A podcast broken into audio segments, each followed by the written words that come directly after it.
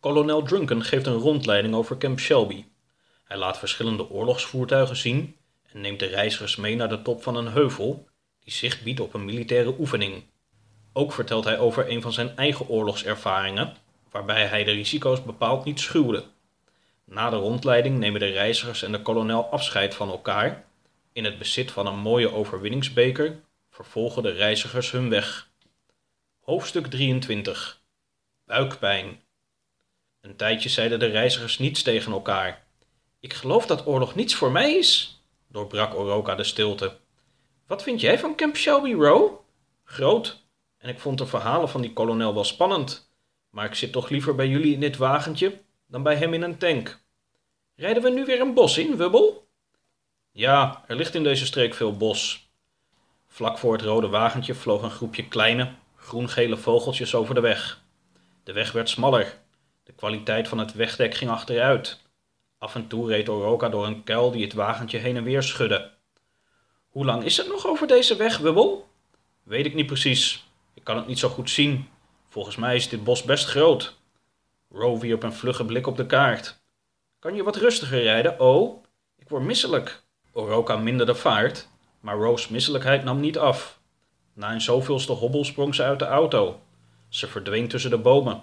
Een minuut of tien later kwam ze met een zwak lachje weer tevoorschijn. Gaat het weer? Jawel. Oroka ontweek de hobbels en kuilen zo goed als hij kon, maar na een minuut of twintig sprong Ro opnieuw misselijk uit de auto. Wubbel keek nog eens goed op de kaart. Volgens mij zijn we vlak bij een klein kampeerterrein. Zullen we daar de nacht doorbrengen? Het wordt ook al laat. Aan de rand van een klein grasveld stonden drie houten picknicktafels. Aan de zijkant van een klein, grijs toiletblok hing een bordje. Moody's Recreation Area. Andere gasten waren er niet.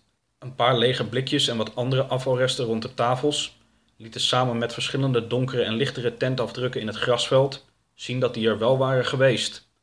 Oroka parkeerde in een hoek van het veld en keek naar Row, die wat bleekjes naast hem zat. Ik ben moe, ik ga slapen. Moet je niet nog wat eten? Row schudde haar hoofd en klom achter in de laadbak, waar ze haar bed klaarmaakte. Een uurtje later was het donker en knipte Wubbel het lichtje in de auto uit. Morgenochtend nog een half uurtje door het bos, dan zijn we denk ik wel van deze weg af. Oroka schrok wakker. Buiten tikte iets tegen de deur. Een schaduw verscheen voor het raam.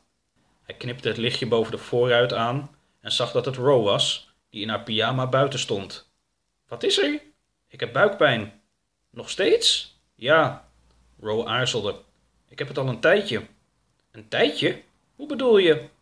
Ik heb het al een paar dagen. Nee, langer, maar het wordt erger.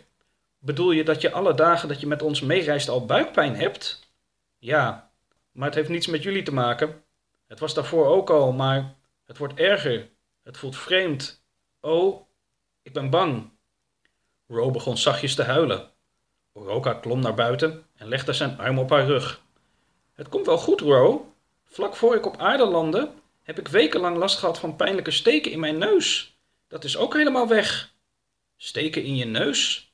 Door haar tranen heen begon Ro zachtjes te lachen. Dat klinkt vreemd. Ja, nou, het was heel pijnlijk hoor. Ro klom terug in de laadbak en kroop, terwijl Oroka in het donker naast haar ging zitten, weer in bed. Oh, ja?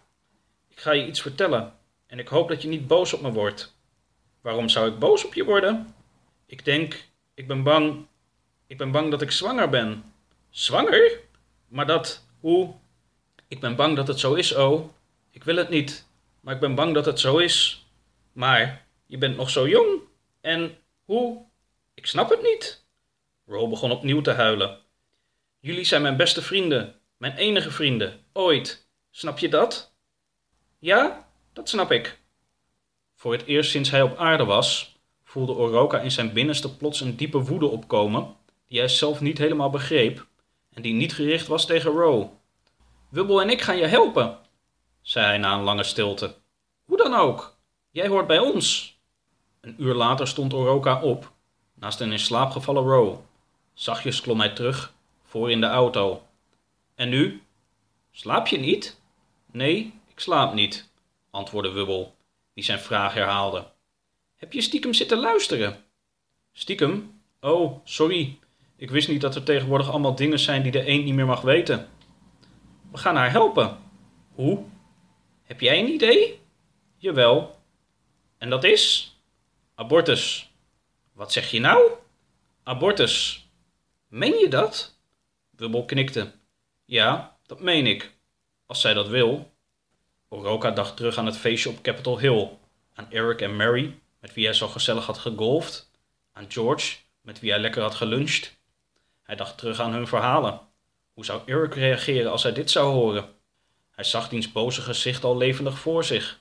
Hij kon hem al bijna horen roepen: De doodstraf voor dat rare wezen en die eend.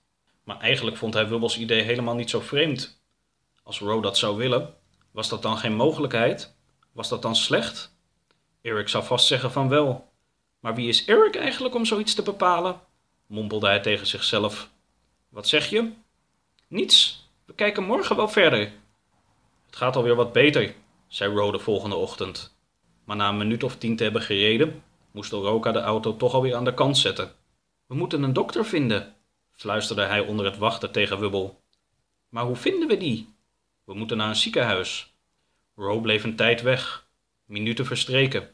Net toen Oroka richting de bosrand liep, om te kijken wat er aan de hand was, kwam ze tevoorschijn.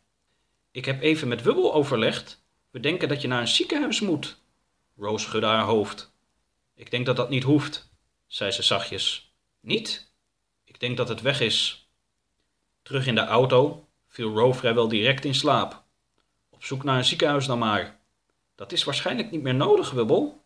Hoezo niet? Ze denkt dat het weg is. Weg? Wubbel keek achter zich, naar de slapende Ro. Het was nog vroeg. Boven de weg en tussen de bomen hingen lage ochtendnevels. De lucht, die door het rode wagentje blies, was nog koud. Wubbel trok een deken over Ro's blote armen. In stilte vervolgden de reizigers hun weg. Hier volgt een huishoudelijke mededeling. Nieuwe afleveringen verschijnen vanaf zondag 5 april.